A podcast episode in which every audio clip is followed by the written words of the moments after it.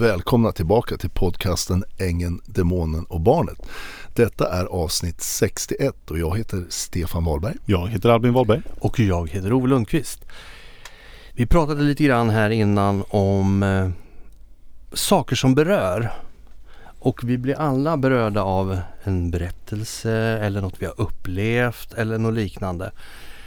Och eh, jag vet att du Stefan har ju blivit rätt berörd utav inte bara en, säkert flera grejer men framförallt en. Du får gärna berätta det. Ja, men vi har ju sagt att vi ska ta upp sånt som berör oss som vi tycker är värt att, att prata lite om och diskutera om. Men det är en sak som jag dök på rätt så nyligen här. Eh, det är en historia om en amerikansk eh, student som precis tagit studenten i USA och han beslöt sig för och vart rådd av sin lärare att göra något kul. Han hade lite glapp emellan eh, att sluta skolan och eh, innan han skulle börja jobba som mm, lärling eller var det var någonstans. Eller börja som någon slags eh, nästa utbildning till något till något jobb han hade fått chans att ta. Jättefin kille, omtyckt, 21 år gammal. Ehm, jättevarm familj och som sagt jätteomtyckt, sportar och allt möjligt i USA. Åker då till, där han blir rekommenderad av sin lärare, till Nordkorea. Och eh, det var inte mer med det. Han beställde den här resan. De har ju alltså Nordkorea för er som, de flesta har väl hört talas om det. Det är ett av de mest märkliga länder i, i världen. E extremt slutet är det ju. Ja. Och med en extrem diktatur. Di diktatur. Um, och han åker dit i alla fall. Mm. Jag tycker det är lite märkligt att man åker dit till att ja. börja med. Det kan vi ju vara eniga om. Ja, nej, men, men, han gjorde det. Ja, han gjorde det. Jag kan tänka mig att eh, känner faktiskt en person som har varit där också. Och det är ju väldigt, väldigt vad ska man säga, speciellt land ja. på många sätt. Och säkert väldigt exotiskt och spännande att åka till därför att det är så annorlunda. Det går nog inte att föreställa sig för oss som lever på de här breddgraderna och i Nej. västvärlden hur, hur det är i Nordkorea. De har ju ingen, ingen el knappt på på kvällarna, helt mörkt i en stor stad och så vidare. Men hur som helst, så de anordnar ju då resor som är extremt kontrollerade av eh, på, eh, militären där som följer den och bevakar det hela tiden. Fem dagars resor för de som vill komma dit och besöka mm. landet. Då. Och han var med på en sån här resa, jag tror det här var 2017. Han är där och eh, de lär ju känna varandra, det här gänget. Det är några från USA, några från England och så vidare. Och eh, när de är färdiga med den här resan, fem dagar går rätt så fort, de är runt och med, med liksom guidade, väldigt kontrollerade mm. tri tripper runt om i Nordkorea där. Så när de andra ska gå på planet, då förs han undan av, av militär eh, eller polis där motsvarande. Och eh, de fattar ingenting. Eh, de andra gruppen börjar reagera och säga att men vi, vi, vi måste ju vänta på Otto mm. Eh, Warmbier heter han, den här killen. Men eh, de säger att nej, det är inte aktuellt. De står där med k-pistor och säger att ni ska åka nu. Och eh, det var liksom inte läge att säga något. Och de här andra i gruppen, de, ja, dörren stängde till flygplanet och de drog iväg. Sen hörde de ingenting. Eh, några månader senare så skickas det, ingen vet, hans föräldrar vet inte var han är, vad som har hänt. De vet bara att han är gripen för något misstänkt brott har de fått klart för sig i alla fall. Mm. De börjar jobba i USA. Eh, jag tror, var inte Trump president? Han var i alla fall inblandad. Jo det var han va, i den här vevan. Mm. 17. Eh, I alla fall så börjar de ju då se vad som har hänt och då efter några månader så kommer då plötsligt eh, ska han då sända ut eh, ett erkännande där han sitter då i rätten för det hemska brott han är misstänkt för. Då är det så att i Nordkorea där har de ett hus i huvudstaden där. Ett hus där alla turister får bo i och de tar bara emot turister där i, i små, små gäng. Mm. Och då finns det en översta våning eh, som ingen får gå till. Varför man nu har det i ett hotell ja, där man ska bo på. Det är också märkligt. Så att det finns inte ens en knapp på den hissen som finns där. Utan, men enligt anklagelserna så har han då varit uppe på den här våningen och stulit en propagandaaffisch. Har ni hört något så fruktansvärt? Mm. Tänk att man tar en affisch. Och hur som helst, den här bekännelsen då står han och berättar hur, hur uh, man förstår ju väldigt snabbt när man hör, det finns på Youtube, sök på Otto uh, Warmbier. Det, det, sanslös gripande historia alltihopa. Mm. Men eh, då är han anklagad för att ta den här affischen och han står då och erkänner att jag ber om ursäkt för det här hemska brottet. Jag förstår att det här är mitt livs största misstag och sådär. Man för, förstår att de har liksom dikterat hela det här, mm. hela det här det erkännandet. Ja. Och han blir då strax efter det dömd till 15 års straffarbete. Och alltså man fattar ju, de fattar ju ingenting. De, de hör ju inte av sig. Nordkorea är ju väldigt eh, stängt. Men det som händer intressant nog strax efter det här han har blivit gripen där det är att de börjar köra sina kärnvapentester på kärnvapensrobotar mm. för fulla muggar. Och i och med att de har nu den här amerikanska unga killen där så kan man ju tänka sig att det är inte bara för USA att bomba in utan de har ju fullt upp att försöka få loss honom. Mm. Och det blir någon slags, om ni förstår vad jag menar, en liten gisslarsituation. Man förstår det av, av hur historien berättas. Men i alla fall så till slut så trissar väl Trump upp eh, liksom, eh, nivån här och säger att nu, nu är det dags, nu får ni släppa annars, så kommer, jag, annars kommer jag mosa hela, mer eller mindre i andra ord, hela Nordkorea här. Ni, ni får liksom, nu är det dags. Så till slut så efter ett år och tre månader så, så får de besked om att nu får han komma hem. Jävlar, det är lång Men, tid. Ja, det är lång tid. Eh, och då har han då enligt uppgift suttit i här arbetsläger där nere. Men det som händer då det är att han kommer hem och de förstår att han är inte fullt frisk. Det är någonting som har hänt. Han kommer med planet till USA som då har gått från Nordkorea till Kina tror jag, mellanlandar. För de har bara trafik mellan Kina och Nordkorea. Mm. Eh, till USA och, sen, och då visar sig när han kommer att han är mer eller mindre hjärndöd. Okay. Han kommer ut och, och, han tittar men han kan, det går inte att kommunicera med honom. De vet inte vad det är. De skickar honom till det bästa sjukhuset de har och försöker att eh, kolla, pejla honom. och röntgar honom och ser inga skador på kroppen. Men när de röntgar hjärnan så är, har han nästan ingen aktivitet alls. De vet inte vad som har hänt. Nordkoreanerna säger att de har ingen aning. Han har drabbats av någon sjukdom och sånt där. Låter ju väldigt, väldigt, väldigt konstigt. Alltihopa. Eh, men han, han sex och efter, efter två dygn så går läkaren ut och förklarar läget för att familjen vill vara öppen med, med alla. Och sen efter sex dygn så, så går han bort. Den här stackars unga killen. Mm. Som var var allt man kan bedöma, allt vi har läst. Trevlig, fin kille som ville liksom göra något kul och upptäcka världen. Och sen lämnar de då bevis, eh, har de gjort tidigare på den här killen när de påstår att det här är då Otto när han går upp på den här våningen. De påstår att det finns då övervakningskameror. Och då ser man en mörk figur som går och tar ner en affisch. Och då ser man också på den här videon, eh, klockslaget, det är ett, jag tror det var 01.52 eller 1.52. Alltså 10 2 ungefär på natten. Mm. Problemet är att den här tiden, det dygnet som man anklagar för, då var hela gruppen ute. De kom tillbaka tre på natten. Så ingen var på hotellet den här tiden. Så att beviset är ju fabricerat. Och när ja. man då vet den vittnet som de andra i gruppen har vittnat om och så ser man ju, det är bara en mörk figur. Det ser inte ens ut som hans, liksom, han var en lite längre, smalare kille. Så hela det här eh, resulterar i att han går bort. Eh, han, en ung kille har, har dött på grund av någonting otroligt märkligt som har hänt. Och han har antagligen bara varit en spel, en bricka i ett spel som Nordkorea spelar när de ska Ja, vad de nu har för mål. Alltså ja. Nordkorea, det måste man väl säga. Många vågar ju inte prata om Nordkorea och den här Kim Jong-Un som han heter. Den här jag ska inte vara elak, jag skulle kunna kalla honom för jättebebis men det är kanske elakt att säga. Men han är en... Du är alltså, inte den enda som har kallat honom Lyssna på honom för fan, lyssna. Det har gjort en skämtfilm om honom med. Han vart ju så otrolig. Men alltså det här landet är så otroligt märkligt. Så vad jag kan säga med det jag vet. Ett, det är åk inte dit för guds skull. För där, där vet man inte vad som händer. Alltså. Trump vet jag följde upp det här, eh, Donald Trump då i efterhand. Och då fick han en förklaring av ledaren där, av Kim att eh, ja, han visste ju inte om det här och det var ju väldigt olyckligt säger han efteråt. Och det är klart han visste om det här. Det var ju det på media överallt. Så det, men det var då en, en, en förklaring som, vad ska jag säga, man var tvungen att acceptera mm. över världen eller i USA i alla fall. Det finns inte så mycket att göra i det. Nej, för vad skulle han säga annars? Jag tror inte på det. Då måste de göra någonting mot Nordkorea. Och Nordkorea är ett otäckt land.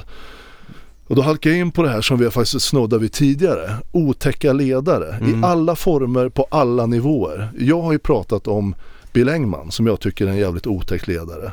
Och han har en snäll sida när han spelar snäll och det är den många får se. Och de, vissa har inte riktigt, de är inte riktigt med på. Vi har hört lyssnare som säger att ja men det är inte kanske riktigt min bild av Bill men han, jo han har ju gjort en del saker, det förstår de ju. Men, ja, men det tror man inte när man träffar honom. Men, men den här Kim Jong-Un, han har ju vansinnig makt. Han mm. har ett helt land i schack.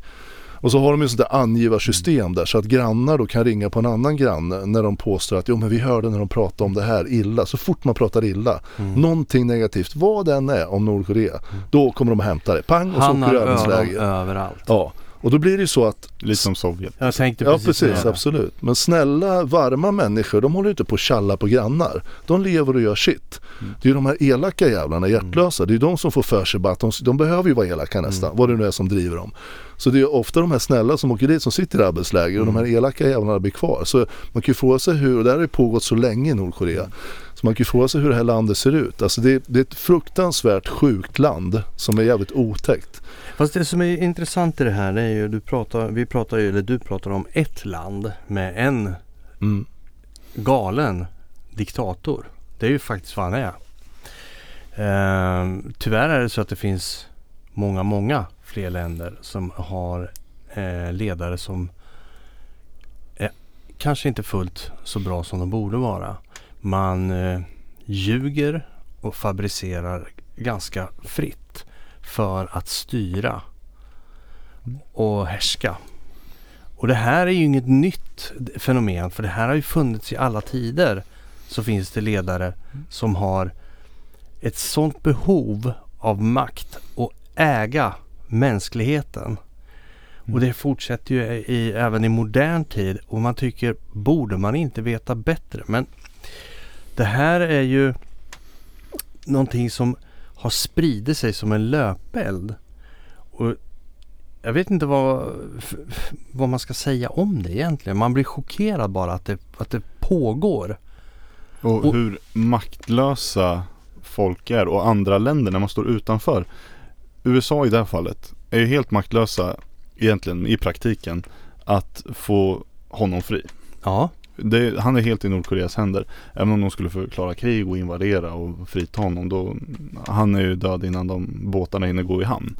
Men att jag, jag slår mig ett till exempel. Och det är den svenska journalisten Dawit Isaak. ja just det. Eh, som har suttit i Etiopien fängslad sedan 2001. Senaste livstecknet vi fick av honom var 2020, för tre år sedan. Senaste livstecknet. Eh, vi vet inte om han lever. Svenska regeringen har försökt gång efter annan och fått honom fri. Han har fått flera priser för hans journalistik. Det finns stiftelser som enbart eh, existerar för att få honom fri. Lik förbannat sitter han fängslad och vi vet inte om han lever idag. Eh, så vad, vad gör man av den informationen? Att Ja. eh, hamna inte i någon galningsklor. Håll dig borta från de här galningarna för samhället ror inte på dem. Nej, Nej de det- de, det- de slingrar sig som ormar i buskagen och eh, de, de kommer undan Mm. lagens långa arm. Den, den kanske nuddar dem ibland och de får någon liten... eh, Och det här de blir sträcker svedda lite sig- grann. Alltså Men det sträcker sig från stora politiska ledare ända ner på Ja, ja. affärsvärlden. Ja, men, Alltså det är samma fenomen som, eh, som återkommer. Mm. Man, man kan känna igen det. Sen spelar det ingen roll vart man är någonstans för man använder samma mekanik. Jag, jag måste ju ändå ge i det här fallet eh, Trump faktiskt en eloge. Han kom till en punkt här där han sa att jag skiter i, han ska hem. Annars kommer ni få se på någonting som ni. Alltså han, han tog i med hårdhandsken och det, det är ett av de få gångerna jag har hört någon som har faktiskt makt att göra någonting. Jag tycker det med David Is- Isaac är ju det, det är så bedrövligt. Han har ju, vad jag förstått så har han ju, hade småbarn han var keepern. De är ju Ja, vuxna nu. exakt. Och, och fortfarande lever utan sin pappa Mm. och, massa familjemedlemmar här Mm. som sörjer och, och bara längtar efter att han ska komma hem. Men ett konstigt, jävligt stolligt land eh, använder det här som någon slags politiskt medel och ofta blir de här lite gisslan så att de ska Mm. få ut andra saker och sådär. Men att i kombination med, de här får, får finnas därför att andra som skulle kunna, som har motsvarande makt, säger ifrån. Gör inte det. Det är en feghet. Jag tycker till exempel att den lilla processen jag var med i rättegången, om ni har lyssnat på alla poddar, så var det också den här domaren och all, liksom, ingen gör någonting. All, alla, de, domaren sitter, låter Daniel Elkvist sitta och begå mened som polis. Och de här lögnerna som han ser inte stämmer till exempel. Och här, Kim Jong-Un och, och Donald Trump. Här säger då Kim, Kim att ja, men jag visste ju inte om det här. Okej, då accepterar man det. Jag tycker att han skulle varit ännu tuffare och säga att det här är inte acceptabelt. Vi vill ha allting på bordet, vad som har hänt. För jag vill veta. Och skitsamma att Nordkorea är ett stängt land. Det är ett livsfarligt land. Det kan slå till vart som helst i världen. Om bara Kim känner för, nu är väl hans, tydligen hans syster som har tagit över mer och mer. För Kim har ju varit lite Det är dålig. lite ovisst. Ja, det är Mm. ovisst. Man vet ju inte riktigt. Men även svenska regeringen här, varför kan man inte få, få loss han? Det påstås att han har, han har ägnat sig åt någon spioneri eller Mm. sånt där. Men man har inte sett något bevis. Ja, han, skrev, han skrev ju artiklar om oppositionspolitiker och Ja. kritiserade regeringen i Etiopien eller regimen eller vilken term som Ja. nu blir den mest lämpliga. Och det är ju inte så bra då kanske. Men, men det här med yttrandefrihet och så vidare. Men man, man ändå inte står på sig att man får, om man nu ska få något straff så kan det vara rele, relevans till det eventuella brott man har begått i så Mm. fall. Men att man kliver in mer. Jag tycker både alla de här ledarna vi har haft i Sverige, eh, allt vad de nu heter, Reinfeldt och Stefan och Magda och nu är det Christer här, men, eller vad heter han, Ulf. Ulf Kristersson. Ehm, det, det är liksom en, en, en feghet. De är så måna om sina eh, positioner och Mm. vågar inte säga att det här accepterar inte vi, punkt. Okej, nu vill vi höra vad vi gör åt det. Inte om ni ska göra något eller inte utan vad gör vi åt det? Vi tänker inte göra något. Okej, då agerar vi. Mm. Alltså att man tar i med hårdhandskarna. Det är ju därför vi har valt dem. För de ska måna om oss alla individer här i det här landet. Och jag, jag, jag- tycker en, en kombination med en feghet som gör att de här får fortsätta. Alltså om vi ska titta på hemmaplan så tycker jag nog utan att överdriva att vi har en hyfsat blek regering. Hyfsat blek. Ehm, du visste ju knappt vad han hette. För han är så jävla inkognito. Men han, Jag ser bara han smilande, Ja, smilande ja men han, alltså vad fan har han gjort? Han är ju inte handlingskraftig för ett, ett dugg. Jag blir, jag blir faktiskt chockad att det ska vara så dåligt. Eh, och han är ju dålig på ett annat sätt. Han är ju inte dålig för att han försöker styra och manipulera utan han blir ju styrd. Mm. Han säger ju inte ifrån. Han sitter ju i andras händer. Mm. Det är ju på andra änden av det här med dåligt ledarskap. De som inte har liksom vågar säga någonting. Jag, jag kan bara ta ett exempel om det här med eh, Min dotter jobbar inom byggsektorn kan vi säga.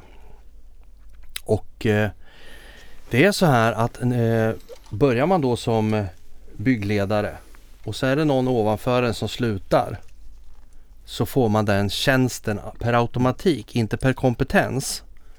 Sen flyttas man upp på den här stegen när folk droppar av allt eftersom så blir det liksom ja men du har ju, nu har ju du varit här nere, nu får du komma upp hit. Det är lite så det fungerar. Det är den inre rekryteringen så. Mm. Det innebär att de som jobbar där Ja, Stefan. Sluta De som lite jobb- information här. Ja. Eh, ha, eh, alla har inte kompetensen. Nu säger jag inte att alla är helt inkompetenta men det finns några enstaka som saknar kompetens och handlingskraft. Som, det är fel man på fel post. Mm. Och det där är lite så jag tänker kring Ulf Kristersson. Mm. Han är verkligen inte rätt man på rätt plats. Så det där är ju liksom utspritt i olika Mm. yrkeskategorier. Nu fick jag ju höra det här ganska nyligen också så jag gjorde en direkt jä- re- jämförelse mot Ulf Kristersson. Den här svagheten som finns. Men sen finns det de här andra personerna då som har eh, de kräver makt och styra över andra och sånt här. Det är ju på andra sidan i spektrumet. Och som jag var inne på lite förut, ja den finns ju även i, hos politiker, den finns i företagsvärlden men den finns också i idrottsvärlden. Mm. Finns det faktiskt. Och det har jag sett flertalet gånger och blir fan med lika skrämd varenda gång. Att det är så. Jag kan tycka är olustigt. Faktiskt. Ja men vi är ju i händerna på, eh, min far sa ju någon gång, jag när vi pratade lite religion, sa han att det finns ledare och det finns följare. Och det är ju till viss del korrekt. Mm. Som sagt jag sa att han vidareutvecklade sen lite grann. Men ser man världen så är det ju så lite grann. Vi behöver några ledare som leder oss. Som vi då i, i en demokrati väljer och de ska leda oss. Och de ska ju även skydda oss i sådana här situationer. Jag kan ju inte gå och hämta en, en buss eller en, en egen armé och, och frita någon om jag nu tycker det. Isaac till exempel eller vem som helst. Det går inte, det ska ju de sköta. Mm. Men då kan man fråga sig, sköter de det? De är tillsatta att sköta? Jag tycker inte. Jag tycker det är en feghet väldigt, väldigt ofta. Och Sverige har varit så traditionellt också historiskt sett väldigt duktiga på att hålla sig utanför konflikter. Mm. Men när våra egna medborgare, den enskilda människan rör sig utomlands, vilket vi gör ibland i olika, av olika anledningar. Då måste ju Sveriges regering gå in och visa styrka. Mm. Jag tycker att det är en flathet som är oroande verkligen. Och skulle man hamna nere i, hos Kim här nere i Nordkorea så Ja men det, åk inte dit för guds skull. För med risken att ni blir Nej, det finns väl, vad ska jag säga, ganska lite garanti för att du får någon hjälp. mm. Det kan man väl säga.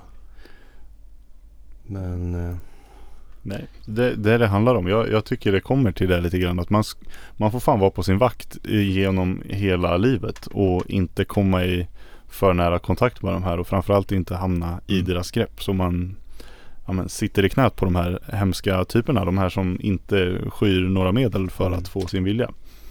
Eh, man får fan hålla ögonen öppna. Gör någon variant på, på det vi har gjort här. Eh, nu börjar vi poddserien här väldigt mycket. Och nu blandar vi upp den med berättelsen om Bill Engman och Eva Stark. Och jag tycker, tycker vi har beskrivit hyfsat tydligt vad det är för roller. Jag har verkligen varit, varit eh, sanningsenlig, eh, verkligen sådär på ordet, verkligen så Mm. noga med att inte uttrycka mig för mycket. Jag har väl tyckt lite grann ibland, men då har jag sagt det att det är min egen åsikt och min egen teori. Men för det mesta är det väldigt, eller det är bara faktabaserat. ja.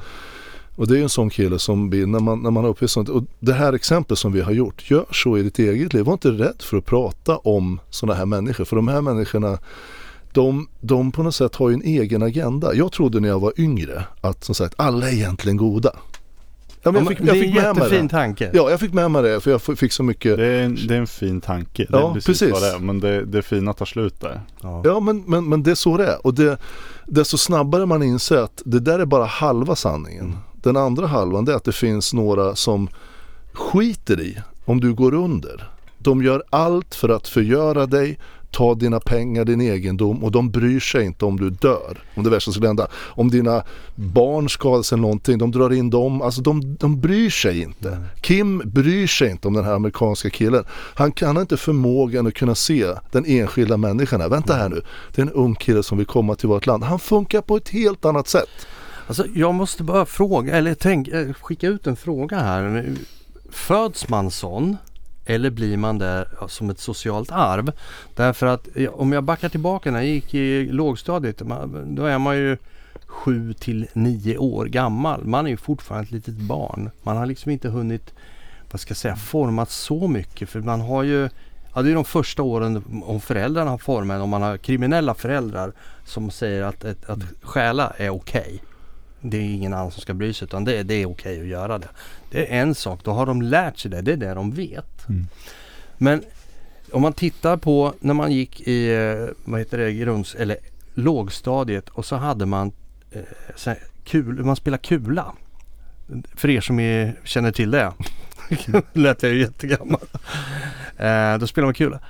Och sen förvarar man dem oftast i någon form av tygpåse eller något liknande så hade man de här kulorna i.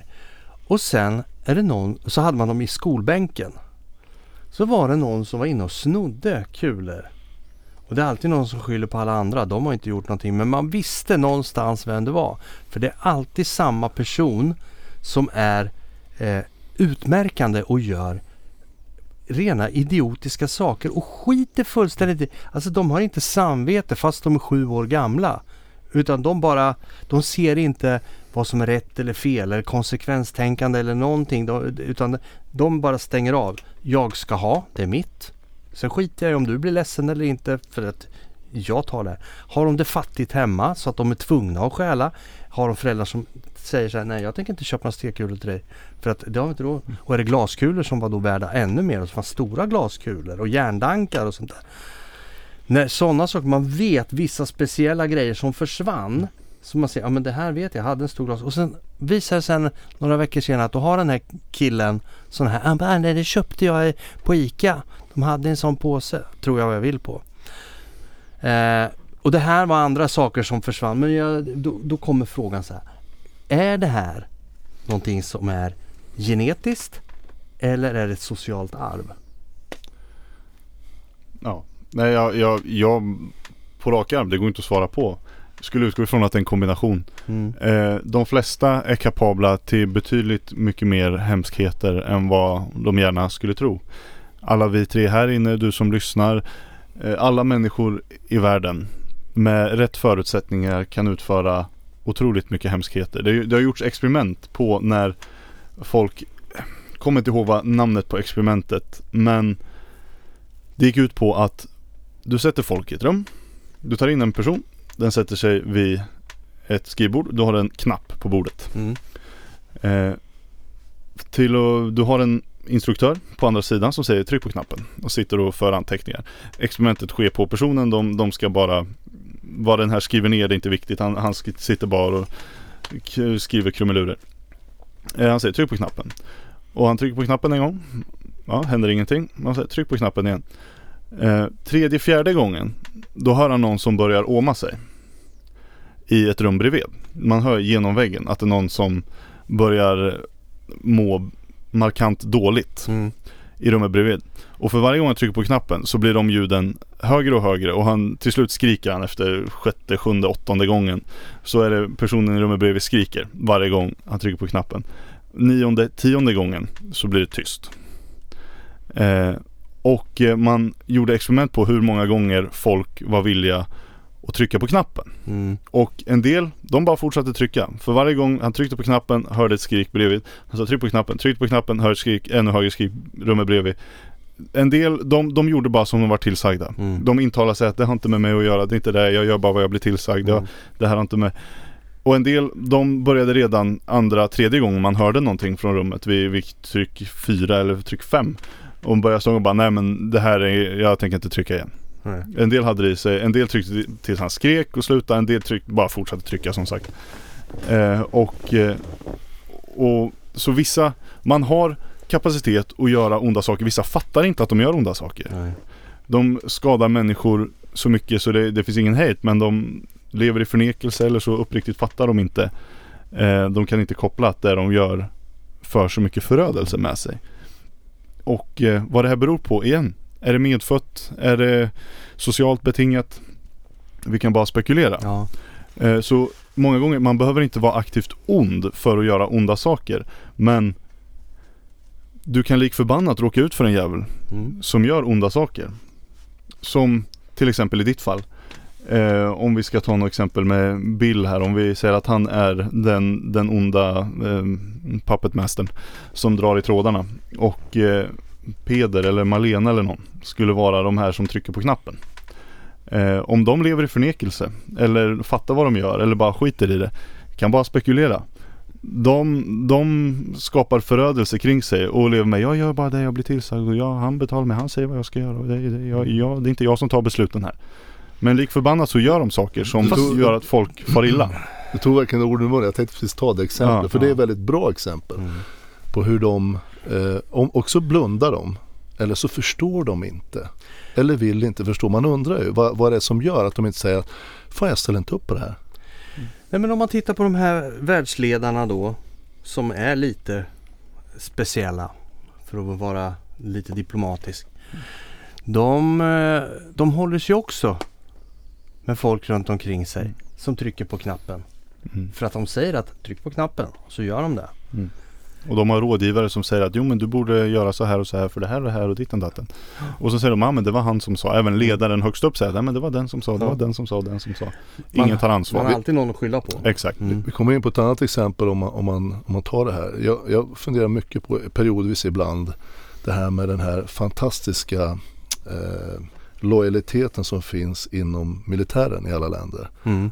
Lyssna på sådana här eh, amerikanska militärer till exempel. De är ju hy- hyllade nu på Vietnamtiden, Vietnamkriget var på Mm. 60-talet var det väl. Då var de inte så jävla populära när de kom med. Men nu alla som då, eh, thank you for your service, det Mm. säger man ju till sådana ja. som varit ute. Men vad är det de gör för någonting? De lyder blint. Mm. En person oftast, eller en liten, liten grupp av militärer. Som då lyssnar på någon annan snubbe, någon äldre, om han heter Biden eller Trump eller något annat. Eh, George eller Clinton eller vad det nu är för någonting. Så, som är osams med något land. Och sen går det här ner till en, en militär grupp ledare som skickar ut till unga soldater som det är för det mesta. Som ska ut. Och det här är hedersamt. Att blint lyda. Mm. Att blint lyda, tänker jag, det är fullständigt livsfarligt. Mm. Men inom det militära så ifrågasätter du inte. Då är det, det, det är honor, det är stor honor. Det är att bara lyda och döda om det är det du ska göra. Varför du dödar, det är oväsentligt. Mm. Men då händer det också att de dödar oskyldiga människor för det kan bli lite fel på vägen i de här åren. Det finns massa tänkbara Ja, ja, ja. scenarier Mm. där det blir fel. Och här är det, det är precis det exempel, man tänker inte själv, man bara lyder Mm. någon ovanför som har sagt någonting. Och traditionen är, eller för deras bästa, tänk att komma hem som krigshjälte, det är ju deras motivation. Komma Mm. hem till familjen, de har inte träffat barnen på ett år. Det finns en massa videos som Mm. cirkulerar runt på nätet när de kommer hem, fantastiskt. Och jag säger inte att de inte gör ett bra jobb, de gör en jävla insats. Som är, men man måste ändå vara lite självkritisk till allt du gör. Ja. Oavsett om du är militär eller Daniel Elfqvist, polis eller vad fan som helst. Eller ni som jobbar med Daniel Elfqvist och som bara eh, låter det här hända fast ni ser, vet vad det är. Alltså det, man måste ta ett eget ansvar. Ni som boostar Daniel Elfqvist eller vem man nu boostar som gör fel. Eh, tänker ni inte på vad som händer runt omkring utan låter ni bara det hända eller är det hedersamt på något sätt eller vad är det? Men jag tänker på de här militärerna igen i USA. Vad mycket de har gjort och vad mycket de har ställt till med. Men kolla Vietnamkriget back in the days här. Då var det också någon konflikt och USA skulle in. Alltså det var ju så många unga som dog. Unga som inte har någonting med konflikten att göra. Som kanske hade kunnat varit vän med de här i Vietnam. Eller alla gånger. Men nu vart det ursinningslöst mördande av hur mycket människor som helst. För att man inte tänker efter och är kritisk själv. Så det finns en farlighet det här att ha en ledare. Om ledaren är bra, absolut. Är han riktigt bra. Men det är oerhört viktigt att ha en bra ledare. Och där måste ju man ju våga kritisera och kunna någonstans se. För att blir det en, ja, men som diktaturer. När det är en, en ledare som bara, som Jon, han Kim här. Han, han kan ju säga vad han vill. Alltså folk men det är vågar inte göra någonting. Ingen, han, kan, ja, han är ju på väg. Han gör ju saker som är ju, men det spelar ingen roll. Alltså ingen vågar göra någonting annat där än att bara lyda. Det kan vara möjligt att de som hade hand om den här Otto, som gick bort den här studenten, de kanske inte tyckte det här var speciellt trevligt, men de vågar ju inte säga flasklock. Utan de gör bara som en liten sjuk kille som leder här, som har så mycket happ. Och han vill behålla makten. Problemet är ju med den här Otto är ju att när han blir tillbaka skickad till USA så sitter han på massor med information Mm. om vad som egentligen har hänt. Det vill inte de att det ska komma ut. De har ju garanterat sett till att han blir oskadliggjord Mm. för att inte kunna föra sanningen vidare. Det är ju det mest Och det är, det är det här. Han kommer med sanningen men fick aldrig berätta den. Ehm, och det är ju bara att titta liksom inte så långt härifrån hur ehm, det här med att som Putin till exempel har, eh, han började med att förbjuda ordet krig i samband med Ukraina. Det var inte krig. Och då, då, då man styr för att liksom få folk att tro på en alternativ sanning. Det är ju lugner hela Mm. tiden och det är så det ser ut med ledare som faktiskt är, jag ska säga rent så Mm. sagt dåliga. Därför att man ljuger och fabricerar för att få fram sin egen vilja och framställa sig själv som bättre. Som en narcissist Mm. gör, för det är det vi har pratat om rakt igenom alla avsnitt eh, oftast. Så är det ett- narcissistiskt beteende eller psykopatiskt beteende. Ja. Ibland en kombination också. Ja, nej, och jag, jag tycker det är lite kul, just i det här fallet med Putin och Ukraina, jag tycker det är lite kul att så här, agera djävulens advokat Mm. i det här fallet. För det vi får höra och det ryssarna får höra, det är helt olika historier. Mm. Eh, Putin har jättemycket stöd i Ryssland. Här, jag har pratat historiskt sett genom livet med flera personer som är från Ryssland, eh, personer som känner folk som är från Ryssland. Och han har alltid haft väldigt mycket stöd. Även när vi i väst säger att han är helt knäpp i huvudet. Vad fan håller han på med det där för? Och vem, hur vet vi då? Det, det finns ett gammalt uttryck som är att det första dödsfallet i krig, det är sanningen. Hur vet vi att det vi får höra stämmer? Hur vet vi att våra ledare säger sanningen? Mm. Hur vet vi att Putin har förbjudit ordet krig? Hur vet vi att det inte bara är folket som är eniga om att nej men det här är inte ett krig, det här är en nödvändig, vad ska vi kalla det, militär operation Mm. eh, för att eh, se till att våra landsmän som blir förtryckta i Ukraina eh, får behålla livet och behålla värdigheten och inte bli förföljda av eh, ukrainare. Jag, I det här fallet så tycker jag det är så intressant att reflektera över huruvida det stämmer. För vi kan ju omöjligt veta. Man får bara utgå ifrån och gå på magkänslan så här, ja, jo förmodligen är Putin en galning. Eh, han är ju så här tvivelaktigt vald gång efter annan och de håller någon form av val men ja, vissa, man spekulerar kring huruvida han faktiskt kan bli vald om och om igen. Eh, pratar man då med de ryssarna som jag har hört, jag, jag har hört delade meningar från ryssar också ska jag säga, det är inte alla som stödjer honom men han har väldigt mycket stöd. Mm. Varför har han det? Om man är i Ryssland, han kanske är en bra ledare. Om vi ska spekulera nu. Han kanske är en bra ledare och gör mycket bra för landet. Går på en väldigt nationalistisk politik, gör det som är bra för Ryssland. Men här i väst så tycker vi han är jävla dålig. Mm. Och eh, han ljuger och han, det är bara massa propaganda och det Vi kan ju omöjligt säkert veta att det vi ser inte är propaganda. Eh, vi får utgå ifrån att det stämmer. Mm. Göra våra egna efterforskningar och se till, okej, vad är den närmaste sanningen vi kan komma? Och det är därför att vi inte ska bli de här som bara håller med Ja. några åsikter okritiskt. Och i det här utan- fallet, då, då kanske det stämmer säkert att Putin är en galning. Men tids nog, amerikanska grundlagen skrevs för att skydda folk från korrupta regeringar. För att de resonerade att alla landsstyren blir korrupta tids nog.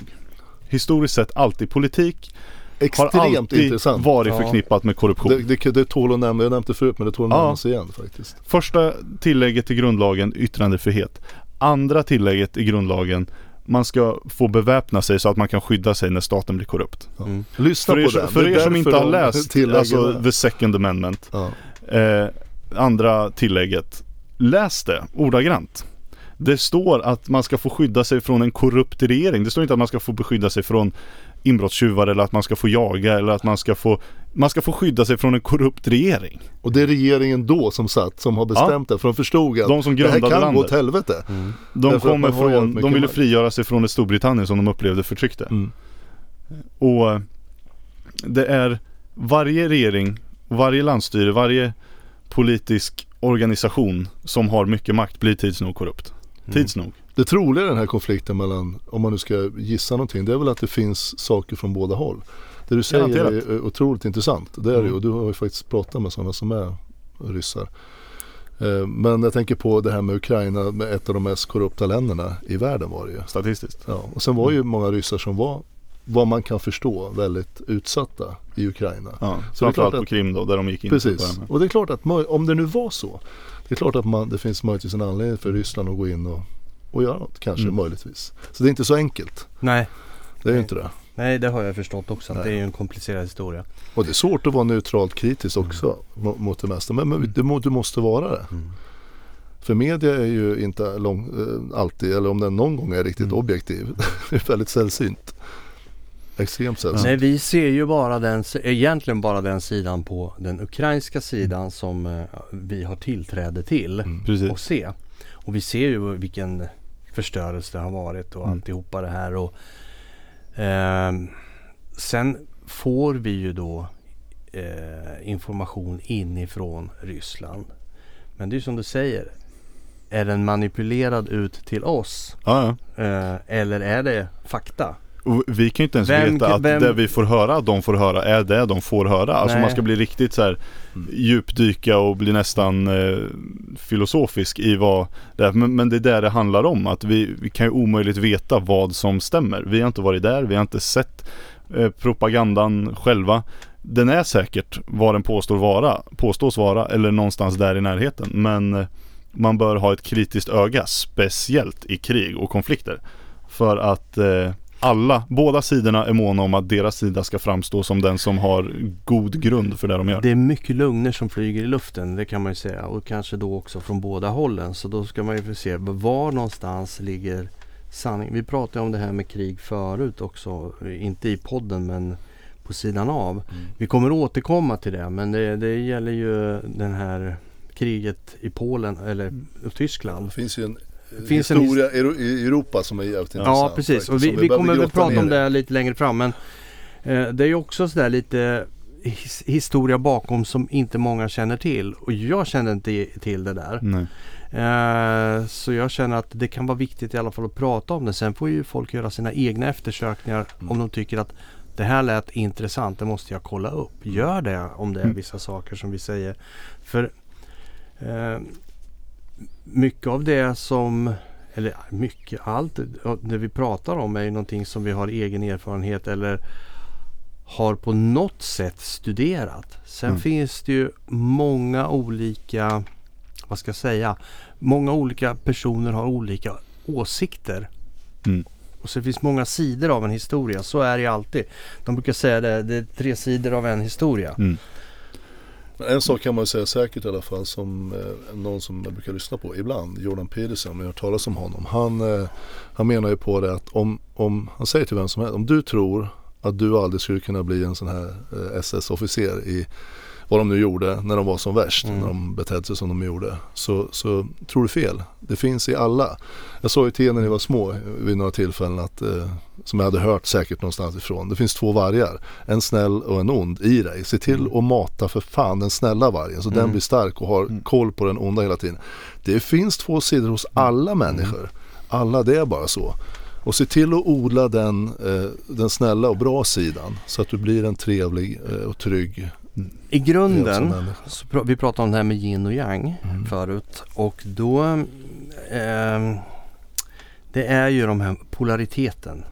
Och den här polariteten den återspeglas hela tiden i allting. Och eh, jag hörde för inte så länge sedan det var någon som sa ja, tänk om var, man skulle ha fred på jorden och alla hade det bra. Men det skulle aldrig bli bra liksom. Tänk om du alltid skulle gå omkring och vara glad. Det är en konstant Mm. känsla. Då är det normalläget. Då är det varken normalläge, positivt då händer ingenting. Det är bara grå. Då är du inte Men- glad längre. Du är varken glad eller så här. Du, Nej, du för då, då försvinner begreppet glad. Utan Mm, då är det bara ett normalläge. Men skulle du vara lite ledsen ibland så skulle du uppskatta det glada och sen så känner du känslan av att vara ledsen Mm. eller eh, känner dig förödmjukad eller känner dig hyllad. Alla de här grejerna har två sidor. Samma sak som du sa nu. Inom dig så har du också två Mm. sidor. Men mata den snälla sidan om du nu väljer den. Mm. Mm. Den rättfärdiga sidan, den sidan Ja. du tror på är rätt. Ja. För det, och jag, jag kände så här efter det här med Putin och Ukraina-grejen Känner jag ett behov av att poängtera att jag absolut inte så att jag stöttar Putin eller något så här, tror att Ryssland är på rätt väg här. Jag, jag har absolut ingen åsikt i det för det går inte att veta enligt mig vad som är rätt och vad som är fel. Jag, om jag ska säga någonting om det så tar jag, tänker jag citera Trump här att jag, jag väljer inte någon sida. Jag vill att folk ska sluta döda varandra. Mm. Det, det är det Ja, enda bästa som är intressant för mig. Konflikten. Ja. Det enda han är intresserad av Trump det är att folk slutar dö. Mm. Ja. Nummer ett. Mm. Skitsamma hur. Folk måste sluta dö. Det är ju helt, Mm. det är så tycker jag en, en Mm. bra ledare ska rikta in sig. Vad nu det innebär. Mm. Att, att man kommer dit. Men dit bör man ju komma. Ja. Ska vi ta och runda av med de orden? Det gör vi. Kan vi ta och göra. Var det rädda gött om er allihopa. som vanligt Mm. så hörs vi om en vecka igen. Det gör vi. Hej då. Hej hej!